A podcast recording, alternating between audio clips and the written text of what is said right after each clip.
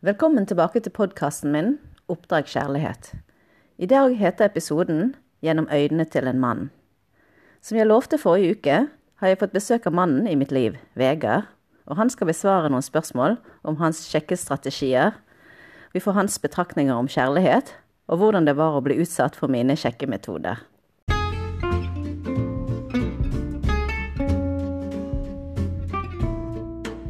Denne podkasten handler om kjærlighet. Å finne den og utvikle den, og få den til å vare. Mitt navn er Win Lam. Jeg ser på meg selv som en utforsker i kjærlighetens kronglete irrganger. Jeg har vært gift, jeg har vært skilt, datet i årevis før jeg fant mannen i mitt liv. Som sosialantropolog har jeg gått vitenskapelig til verks med både fordypning i forskningsmateriale og deltakende observasjon for å finne den rette, i den grad han fins. Feltstudiene inkluderer bl.a. flere dater hver dag i perioder for å lykkes i oppdraget. Ingen skal anklage meg for ikke være engasjert. I denne podkasten skal jeg dele min metode. Kanskje du lærer noe?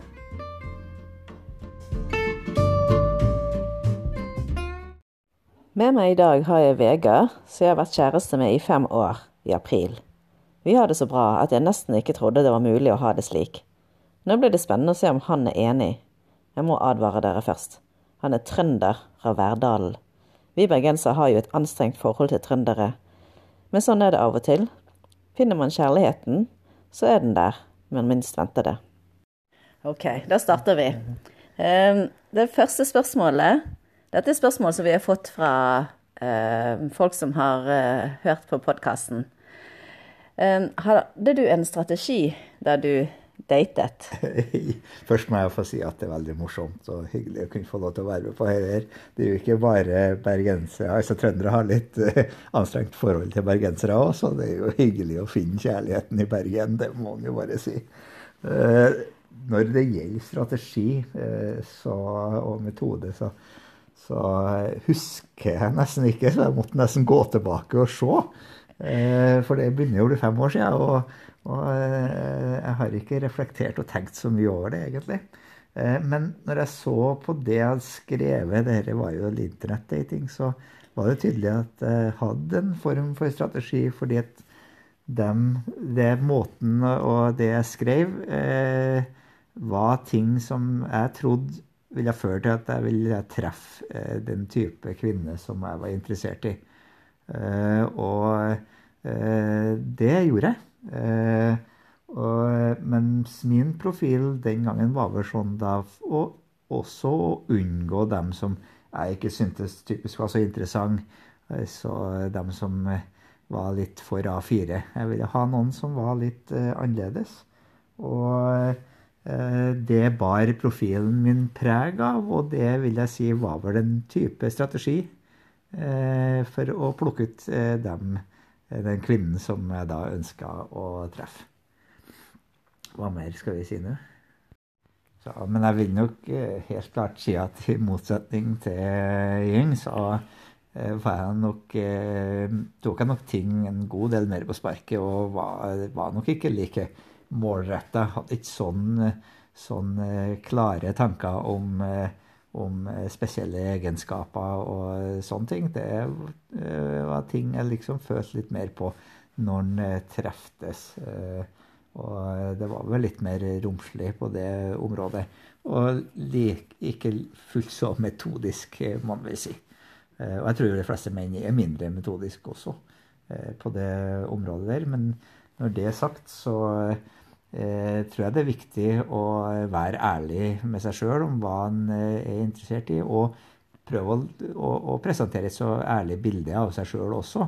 Eh, fordi ellers så eh, blir det bare skuffende etter hvert. Eh, når du eh, oppdager at den personen du eventuelt dater, ikke er den du tror, eller den du dater, ikke tror Finner ut at du ikke er det du har utgitt deg for. Eh, og, og, det fører stort sett bare til problemer og ikke noe, noe, noe langvarig og godt forhold. Etter, mine, etter mitt syn. Vi kan jo kalle det en strategi også, det at du skrev på nettsiden din at du ikke var så interessert i sport. Jeg tror første gang vi traff hverandre, så sa du at du aldri så på sport, bortsett fra EM og VM i fotball. For det var noe jeg syntes var litt kjedelig der, å ha en mann som bare satt og så på sport. Men nå viser det seg at du ser jo på EM og VM i alt mulig.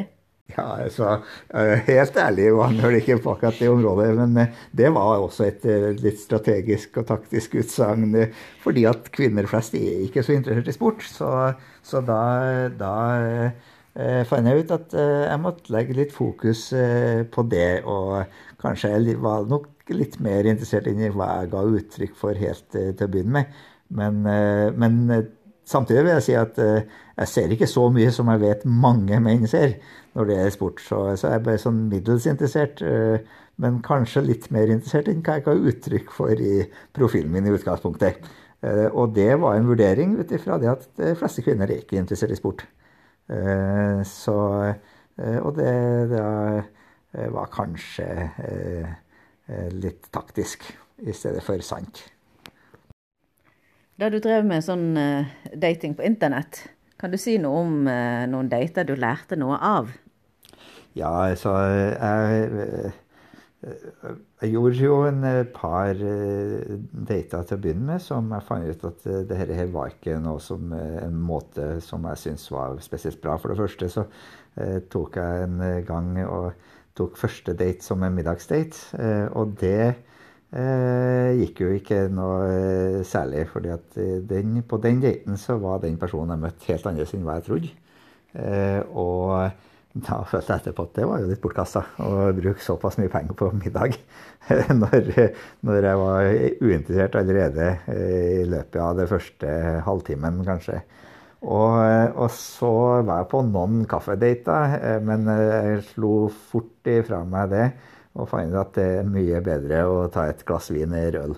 Eh, fordi da blir stemningen mitt litt mer eh, løs og ledig og fri. Og, du, og folk, eh, kanskje spesielt da nordmenn, løsner litt opp og blir, føler seg friere og snakker mer fritt og blir litt mer spennende.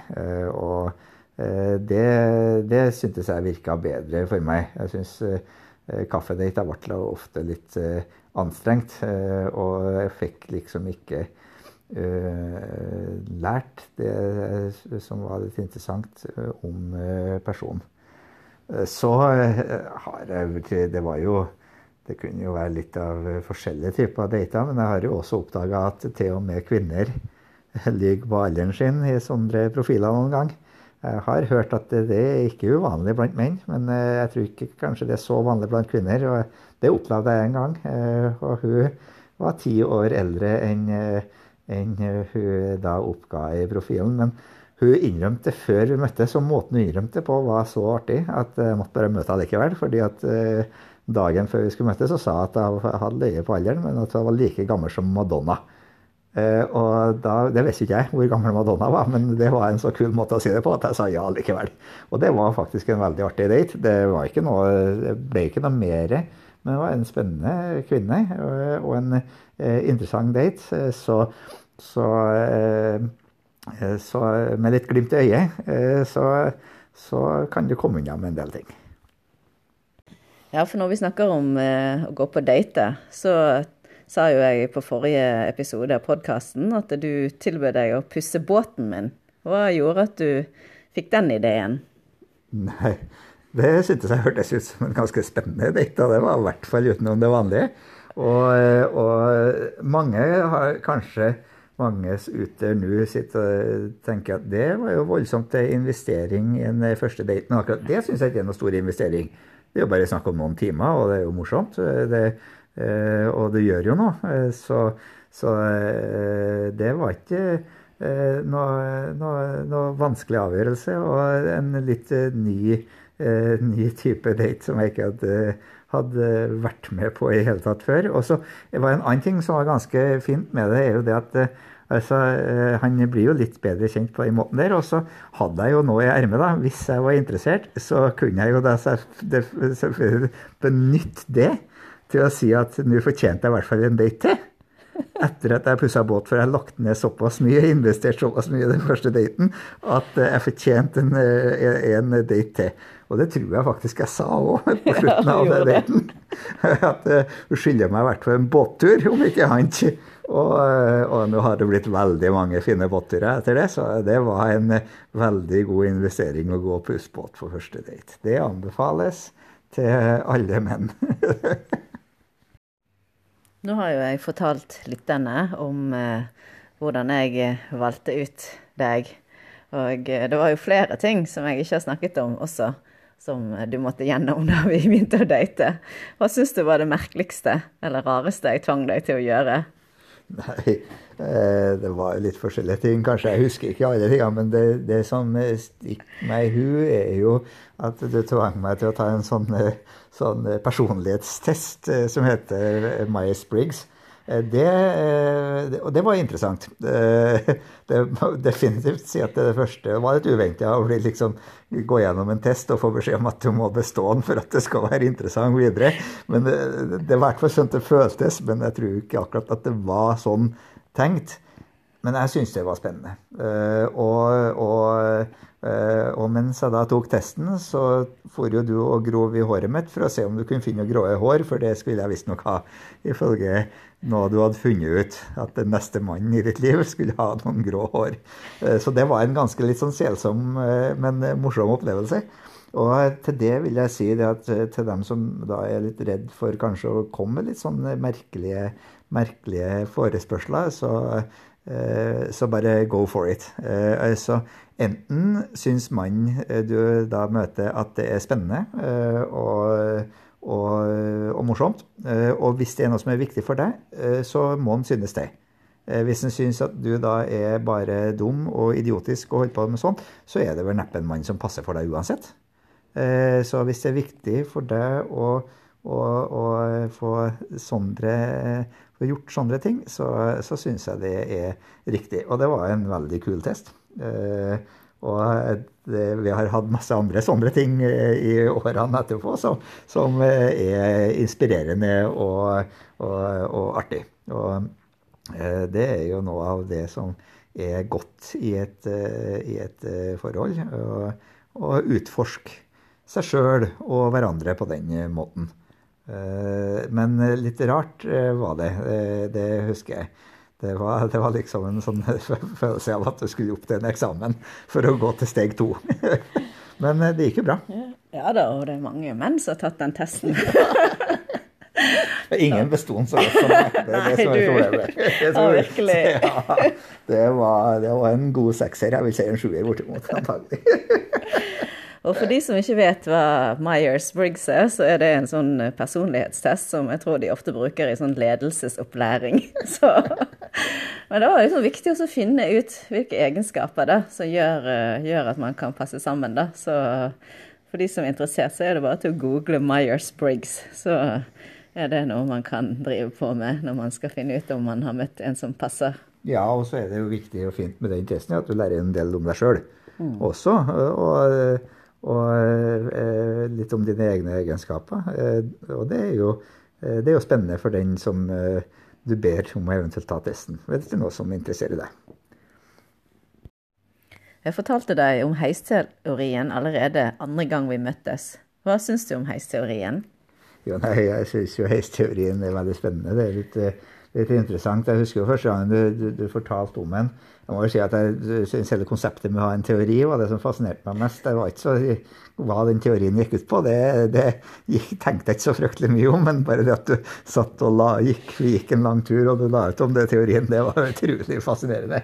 Det var litt sånn, det var, må jo sies å kunne være litt sært. Så uh, hvor mye jeg egentlig huska og tenkte på teorien i seg sjøl, det, det, det husker jeg ikke engang. Men jeg har jo tenkt mer på den i ettertid. Og, og eh, for meg og, så, og, for oss så tror jeg jo det er noe som passer veldig godt. Altså det, den, den, tar jo for seg de viktige tingene. Altså, og det er jo et eh, heis, Heisteorien er jo en, en forkortelse eller for, for uh, hjertet. H-en står jo for hjertet, og det er jo da at man må ha den følelsen som den gode følelsen for hverandre. Og det er jo noe som er utrolig viktig i et forhold, og det har jo vi Eh, føler jeg absolutt. Og én, altså egoboost, det tror jeg alle mennesker trenger. Eh, selvfølgelig til varierende grad, men for meg så er det utrolig viktig. Jeg er en person som liker å få boosta egoet. Altså høre gode ting om hva han gjør og hva han er. I-en, altså inspirasjon. Utrolig fint og viktig. Og at en føler at den andre personen er inspirerende og gir deg inspirasjon og, og, og, og glede rundt eh, det, og, og føle eh, at eh, du lever på en, på en måte. Og S-en kommer en jo selvfølgelig ikke unna. God sex er jo, er jo krydderet i et godt forhold. Kanskje så så alt er, er viktig, og jeg syns den omfavner det ganske bra. Nå skal det sies at det er sikkert forskjellige, Du kan legge forskjellig vekt på de forskjellige delene av heisteorien, avhengig av hvilken type du er. Men jeg tror alle har eh, et, eh, et forhold til det. Og jeg tror det er en god metode for å, å liksom tikke av de forskjellige boksene om den personen du møter, tilfredsstiller de det tingene som heisteorien tar, ut, tar utgangspunkt i. Altså hjerte, egobust, inspirasjon og eh, sex. Og Ring følger jo hele heisen for meg. Det, jo, det, blir jo rett og slett trangt inni heisen uansett hvor stor heisen er. Så, så det, det, det, er helt fabelaktig, altså. Det er det. ja, og så var det en av lytterne som uh, ville høre om uh, dine betraktninger om det å være i singel versus det å være i forhold. Hva tenker du om det? Nei, det er kanskje litt uh, Hvor skal en begynne, for å si det sånn. Altså, det, er jo, det, er jo, fordeler ved å være singel, og, og, så er det jo gode fordeler med å være i et uh, forhold. Det som var Som jeg tror er noe av kjernen i det til å begynne med, i hvert fall, er det at en mann som er singel, har eh, Ikke bare mann, ja, men jeg ser det fra mitt perspektiv, har jo en god del frihet. Eh, og, og ofte, da, eh, så hvorvidt du skal gå inn i et forhold, er vel det, da konkurrerer det mot det friheten du har til å gjøre de tingene du ønsker. Hvis du er interessert i å sykle i marka, så, så hvis du føler at det blir mindre anledning til det, et, et forhold da liksom gjør at du ikke kan utfolde deg på den måten der, så er det jo det som du konkurrerer, eh, som du konkurrerer imot. I større grad enn den konkurrerer mot andre kvinner, for å si det på den måten. Eh, og, og derfor så tror jeg det er litt viktig at eh, han har, gir hverandre den friheten til å begynne med, ikke være for klengete, for å si det på den måten. Eh, fordi at da begynner tankene å gå og spinne mer imot at å, det er bedre kanskje å eh, la det her være, og heller være for seg sjøl. For da kan jeg fremdeles nyte det som de gode tingene med å være singel. Og, eh, og, og, menn, vil jeg si, er nok litt kravstor når det gjelder friheten sin til tider. Og det skal ikke så mye til noen ganger for at de føler at den er litt trua. Eh, og når en er kommet da litt opp i den eh, si, alderen, eller livssituasjonen, der du har, er ferdig med barn, for å si det på den måten, og du er ferdig med tidligere forhold, så, så, så er det en del sånne ting som eh, også blir vektlagt i forhold til om en skal gå inn i et forhold eller ikke. Og, og der tror jeg nok at mange kan Eh, blir litt for eh, eh, for, for klengete eller litt for eiesyk i en tidlig fase, som gjør at mange menn tuner ut. Og det kan jeg nok se for meg sjøl også, at en tuner litt ut og feider bort, for å si det på den måten, hvis en føler at kvinnen ikke byr på noe mer som gjør at en er villig til å, som er villig til å gi bort det friheten en har ved å være singel. Eh, men eh, det er jo ikke å underslå at finner du den riktige, rette kvinnen, så, så er jo det eh, flott. Og da, da betyr der friheten mindre også. Og den, for det, du vil jo ha den hvis begge gir hverandre rom til å dyrke en del av de tingene som en syns er fint for seg sjøl. Men det er da viktig, syns jeg, i, i, et forhold at han har det rommet til å være seg sjøl. Og, og, samtidig da selvfølgelig gir den andre personen rommet til å være seg sjøl også. For det er jo ikke bare menn som vil ha litt frihet. Ja, vi har jo vært sammen i fire år før vi flyttet sammen. Så, så, da var det også noen som lurte på hvordan det var. Altså hvordan du ser på det, og fordeler og ulemper med særbo versus sambo. Ja, så det, det er jo plusser og minuser, eller fordeler og ulemper eh, med, med, begge formene for, for samliv. Eh, så det å være serbo altså, det, altså, De aller fleste starter jo ut med å være serbo fordi de er kjærester og er sammen, uten nødvendigvis å bo sammen. Uh, og, og, det er jo også litt avhengig av livssituasjonen du er i. Gjerne da hvis du har barn på hver din kant og litt sånt. Og det gir jo en, fremdeles en frihet Det, det er litt tilbake til den friheten eh, singel versus å være i et forhold også. Eh, hvis du ikke bor sammen hele tida, så kan du jo da bruke tida du, når du ikke er sammen. Eh, du vil selvfølgelig gjerne kanskje gjøre det, ha noe tid med dine egne barn, men du kan jo også dyrke andre interesser. Og mens når du da bor sammen, så er jo fordelen av at da, da kan du nyte hver dag sammen. Men det kan også gi litt eh, slitasje, selvfølgelig.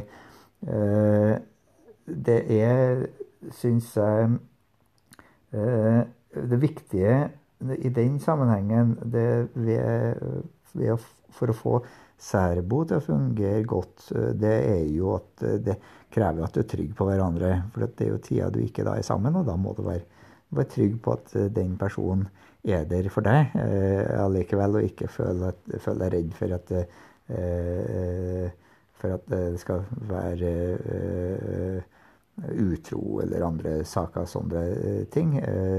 og treffe andre og sånt. Det, og, men samtidig, det kan jo skje uansett om du er sambo eller eh, særbo. Så for oss, for meg, så fungerer begge ting fungert veldig bra, faktisk. Det vil jeg si. Eh, vi var jo litt, eh, litt eh, spent på å flytte sammen. Nå ble det jo sånn at vi gjorde det uten at vi har så mange barn som flytter sammen, som er, flytter sammen med oss. Så, så det ble jo Og det har fungert veldig fint. Jeg tror eh, sambo kan være vanskelig hvis du skal ha seks barn boende sammen med deg. Som jo vi da til sammen har. Nå begynner noen å bli så store at de ikke bor sammen med oss uansett. da. Eh, men eh, så, så, så det er, har, har, fordeler begge deler. Og jeg tror det er en vei å gå. Og så må en finne litt ut av det sammen hva en syns er best. Det som er sagt, det som jeg vil si da, er at Altså først, Hvis en da er sambo, så er det jo ikke noe, noe, nødvendigvis noe galt i å gå tilbake til å være serbo etterpå. Igjen hvis livssituasjonen endrer seg på den måten at du ønsker det, og at det passer bedre eh, med, med, familiesituasjonen og forholdet og alt sånt. Så, eh, men det er viktig, eh, tror jeg, å være trygg på hverandre. Eh, det er, det er det som teller mest, uavhengig av om du bor sammen eller eh, om du bor hver for seg. Og når man bor hver for seg, så har man jo da muligheten til å, å, å, savne litt. Og det er jo aldri en ulempe når man treffes igjen, at man har savna hverandre litt. Og så var det en lytter som lurte på hva eh, du tror gjør at forholdet går bra over tid. Nei, det, det er jo flere faktorer som spiller inn indier. Men eh, det er jo eh, noen viktige elementer er at, er i mine øyne altså må jo gi og, gi og ta, eller, eller gi og få eh, i ethvert forhold. Altså, en kan ikke bare regne med å få hele tida, eller ta hele tida. En må også gi. Det, det, tror jeg er viktig. Humor kommer en ikke bort ifra. Men kanskje det er i hvert fall for meg Det må ha god humor sammen. Men det har jeg lest. Det står mange plasser, så jeg tror det er veldig gjeng. Så man, man gjerne har litt felles, felles humor. Mange, vi kan jo si at En kan jo møte mange som en tror er helt uten humor, men det kan jo ganske enkelt bare være for at de ikke deler den humoren du har. Og da, da blir det litt kjedelig. Så en felles, å ha det morsomt sammen og ha en på en måte felles sans for eh, det som er morsomt, det tror jeg er viktig. Og så vil jeg nok komme inn på det med eh, det som de såkalte kjærlighetsspråkene. Det tror jeg er viktig. Uh, altså, Han trenger jo ikke ha det samme kjærlighetsspråk. Kjærlighetsspråk er, er egentlig hvordan du uh, føler at du er elska, og, og, hva som er viktig for deg. F.eks. bekreftende ord. Det har jo er viktig for meg. At eh, jeg blir, føler meg bekrefta gjennom, gjennom, gode ord. Eh, så har du fysisk eh, kontakt, som er et annet et. Andre har gjerne gaver som et kjærlighetsspråk. Dvs. Si at de føler kjærlighet når de får gaver. Andre har kvalitetstid. De føler kjærlighet når du bruker kvalitetstid sammen. Og det er jo ikke, Du trenger ikke ha det samme kjærlighetsspråket, men jeg tror det er viktig å, å gå igjennom det med kjærlighetsspråk og lære å forstå hva den andre har. For det er det du da kan eh, gi. Som. For, for meg, så gaver betyr eh, ingenting. Det gjør det heller ikke for Ying. da. Det er akkurat der er vi, er vi like. Men hvis det er en person som, som føler stor kjærlighet ved å få gave, så er det viktig å prøve da å gi, gi gaver til den personen. Og da og kan det ofte være veldig enkle ting, men det er jo da for en som ikke liker gaver, kan være vanskelig. Og da må du bevisstgjøre deg sjøl hele tida på å kunne tilfredsstille det kjærlighetsspråkene partneren din har, for da er det da den kjærlighetstanken fylles opp. Altså, eh, hvis ikke så går det tomt i, i i, i kjærlighetstanken, og da er det, er det, eh, går det ofte ikke så bra. Så, så, akkurat det med kjærlighetsspråk det vil jeg anbefale alle å sette seg litt inn i. En trenger ikke å studere i, til, i detaljer, men, eh, men det, det, er for meg øh, veldig viktig. Og det er klart, altså Deler du det samme kjærlighetsspråkene, så er det ofte enklere, for da gir du ut det språket du sjøl føler. Men det er ikke nødvendig. Det er ikke det som er poenget i dette her. Det å, å, å vite hva, den, hva, det, hva, som gjør at den andre føler kjærlighet, og prøve å fylle opp eh, den kjærlighetstanken til andre. For hvis begge fyller opp hverandres kjærlighetstank, da er det gode stunder. Det er, det er, det er snadder, for å si det sånn. Og så må en jo ha litt hud. Det, må, det kommer jo bort ifra. Det er jo godt. Og det har med fysisk kontakt å gjøre. Men for andre kanskje ikke så viktig. Ja, for du hadde vel det som nummer to, hvis ja, jeg ikke husker helt feil. Hvis jeg ikke husker helt feil, så er det nummer to, ja. Det er fysisk kontakt. Ja, for det, da, da jeg eh, kom med Myers-Briggs, så kom jo du med den testen for kjærlighetsvrak.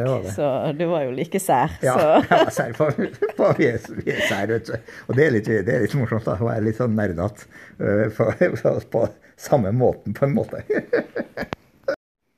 Og så fikk vi også et spørsmål, og dette er for noen som kjenner oss litt, da som eh, lurte på hva er det som skaper varig interesse for en kvinne. At eh, jeg hadde tydeligvis noe som gjorde at han ble veldig interessert. Så nå er jeg også veldig spent. ja, det er, ikke, det er jo ikke noe enkelt spørsmål å, å svare på. Så, eh, men da vil jeg nesten starte med å gå tilbake litt til heisteorien. Og, og, at du, og, og fylle hele heisen. Eh, det er jo Altså, det er jo det at eh, jeg er jo en person som er relativt avslappa, men nysgjerrig. Og liker å gjøre litt nye ting. Og, eh, og, og føle litt inspirasjon på, på, den måten. Og Ying er jo den som finner på alt mulig rart hele tida. Og det syns jeg er helt eh, fabelaktig. For det er ikke bestandig jeg er så flink til å finne på ting sjøl. Jeg kan jo være litt lat der. Eh, men jeg hiver meg gjerne på, og det, det, det syns jeg er fint. Og så, kommer jeg òg med noen ideer, og så da eh, er hun helt med på det. Og, og det er jo sånne små ting i hverdagen som gjør at ting er litt for, forskjellig.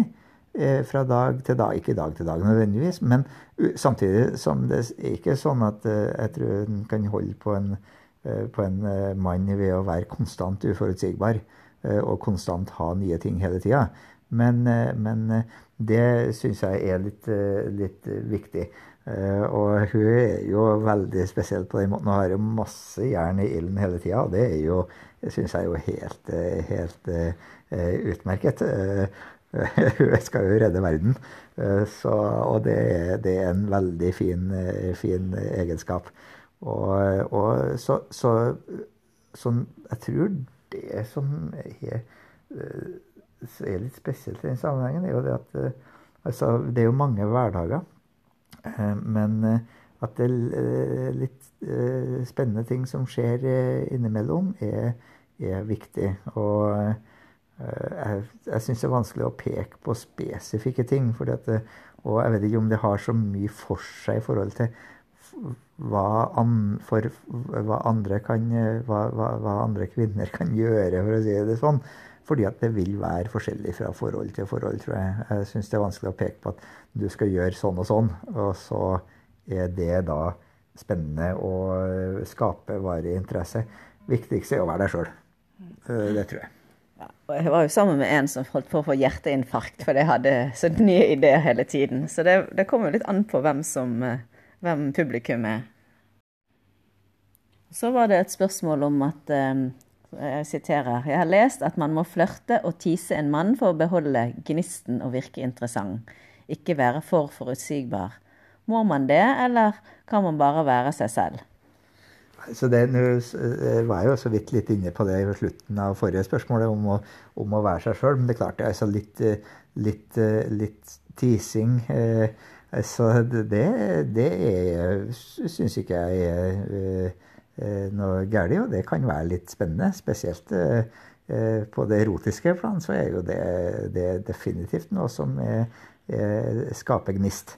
Eh, det vil vel være litt avhengig av mann til mann du skal, hvordan du skal tis, vil jeg tro. Men det er vanskelig for meg å si. Jeg kan jo bare ta utgangspunkt i, i meg sjøl. Og, og det, det, er en del av det å beholde gnisten og gjøre litt sånn, sånn nye, litt, litt, ertende ting. Det, det, tror jeg nok eh, kan være, være ganske bra. Eh, om, eh, om det For å si det sånn så det, det andre delen av spørsmålet var om du må det eller bare være seg sjøl. Jeg tror det kanskje er viktig at det er en del av å være seg sjøl eh, også. Eh, hvis, eh, hvis, eh, fordi at eh, eh, hvis han gjør det litt påtatt, så er det jo ikke sikkert at det vil være noe som er lurt over tid. men hvis du som kvinne liker det, og tis litt og ert litt, så er det jo ekstra opphissende, for å si det på den måten. Og, og, da eh, tror jeg det er veldig bra. Eh, og hvis du da er sammen med en mann som overhodet ikke liker det, så, og du liker det, så har du en utfordring, vil jeg si. Da, da, da, for da er det jo fort gjort, når jeg tenker meg om, at kanskje du som kvinne mister gnisten. Og det er jo et like stort problem, så eh, det er jo gjerne sånn at begge kanskje kan eh, tise litt. Eh, men det er viktig å gjøre det med bakgrunn i at det er sånn du er. For det, jeg tror det er vanskelig å opprettholde ting som en ikke er over tid. Men go for it. Ja, det var uh, veldig interessant dette her, også for meg. For selv om uh, vi uh, nå bor sammen, så er det ikke så ofte vi snakker om dette her, da. For jeg har jo Altså, menn er jo ikke akkurat sånn veldig reflektert ofte, da, over disse temaene. Men avslutningsvis så tenkte jeg at Vegard kunne få lov til å komme med noen gode råd til kvinner, eller til menn som driver og dater og finner den rette. Hva vil du si til de, Vegard? Ja, så, Først så må jeg jo si det at uh, du sa nettopp at vi ikke snakker så uh, mye om sånne ting. Altså, jeg har jo aldri vært sammen med en kvinne der jeg snakka så mye om det. Det er jo altså, det er mye mer enn hva jeg noen gang har gjort før. Så, så hvis vi dere her ikke snakker mye om det, så forstår jeg jo hvor mye kvinner snakker om det seg imellom. Uh, og, og, det er vel det første jeg tenker litt rundt akkurat dette her, er, er det at ikke overanalyser. Jeg har noen ganger fått med meg hvor, når Ying har snakka med venninner og, og, hørt om altså Det analyseres ned til minste detalj hva en mann har sagt. Det tror jeg ikke er særlig fruktbart. Altså for det første så er ikke menn reflektert på samme måten rundt dette her. Tenker ikke så mye på det, og snakker definitivt ikke så mye om det. Heller ikke med sine, sine kompiser. Altså I en datingfase en mann, så jo, han kan snakke om kvinner de dater og kvinner de er interessert i. Men det er jo en relativt kortvarig samtale. Den varer ikke så mange minuttene før den er over på noe annet. Så, så vi, vi, har en helt annen tilnærming til det. Og jeg tror det er, er lite produktivt. Altså Selvfølgelig så kan en tenke rundt det, høre med venninner, tenke litt på hva, hva mannen mener og alt sånt, men ikke legge altfor mye i det. fordi at da er det fare for at den bare går i ring. Og, og, og, jeg tror ikke det er særlig produktivt. Og en ting kan jeg si, menn gjør ikke det. Og vi eh, er er på en måte enkel. Det er vel noe som, som mange sier. Altså, jeg vil ikke at vi ikke har tanker rundt hva vi holder på med og hva vi gjør i en datingprosess. Men jeg tror det er viktig å være litt sånn De fleste menn tror jeg er litt mer rund på det og ser det litt an uten å analysere for mye. Og jeg tror det er viktig for kvinner også å ikke, ikke, ikke henge seg opp i hver eneste lille detalj og prøve å analysere hva han mente, når mannen faktisk ikke har tenkt på hva han har ment sjøl når han sa det. Ja, det var bare noe som ble sagt uten at Og så har han glemt det. Det må du også ofte være klar over. Hvis du prøver da, så har han analysert det, og så er det tre dager siden daten han sa det, så husker ikke nødvendigvis han på at han har sagt det for tre dager siden på det daten, fordi han har ikke tenkt noe mer over det. Og det lå ikke noe spesielt bak det. Jeg tror det er et råd jeg vil gi. Ikke overanalysere altfor mye. Det andre er jo litt med det som Hvis vi går nå da inn i internettets store verden, det som der mange da nå ferdes i, i datinga, er jo det at altså, menn og kvinner legger jo ut et bilde av seg sjøl på en måte i profiler, bl.a. gjennom bilder. Og hvis, da er, hvis du da er en mann som legger ut massevis av fjelltoppbilder i bar overkropp, så bør du da være interessert i fjelltopp og bar overkropp. Fordi at det er det han er interessert i. Bortsett fra at det kan jo være det at han tror at kvinner er interessert i det. Derfor legger han ut eh, bar overkropp på fjelltopp. Eh, så, så, til menn så vil jeg si det at hvis du er interessert i å gå i fjellet, så jeg for all del bilder ut av deg sjøl på fjellet. Men hvis du ikke er det, ikke gjør det.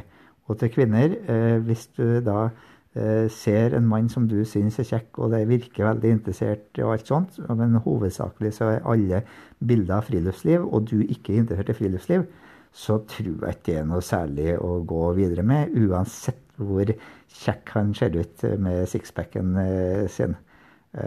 Og han bør jo ha sixpack, da, hvis han har lagt ut bilde med sixpack. Det er litt viktig i akkurat det. Når andre råd sånn avslutningsvis det, det, må være å, å kanskje være litt avslappa i det prosessen du går inn i når du prøver å finne kjærligheten. Se etter ting som er viktig for deg. Eh, overse noen detaljer innimellom.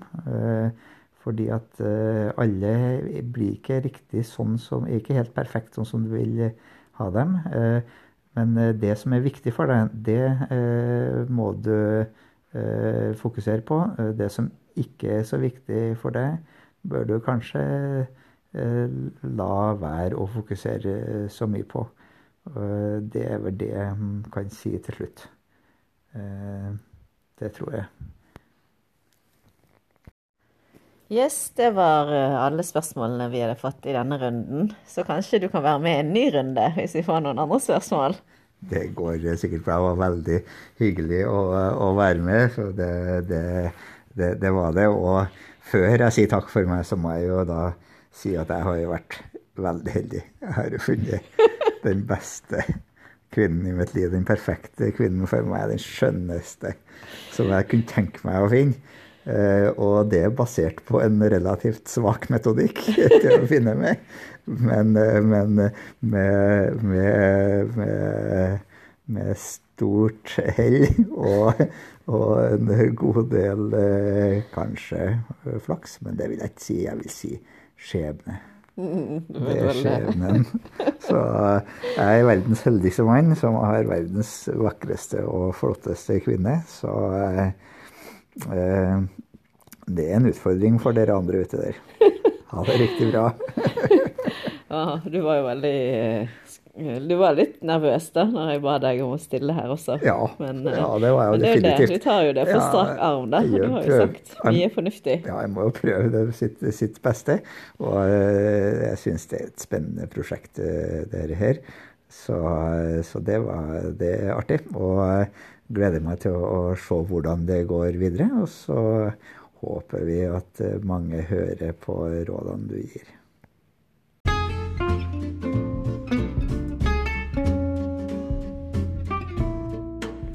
Tusen takk til deg som har lyttet til denne podkasten. Mitt navn er Win Lam.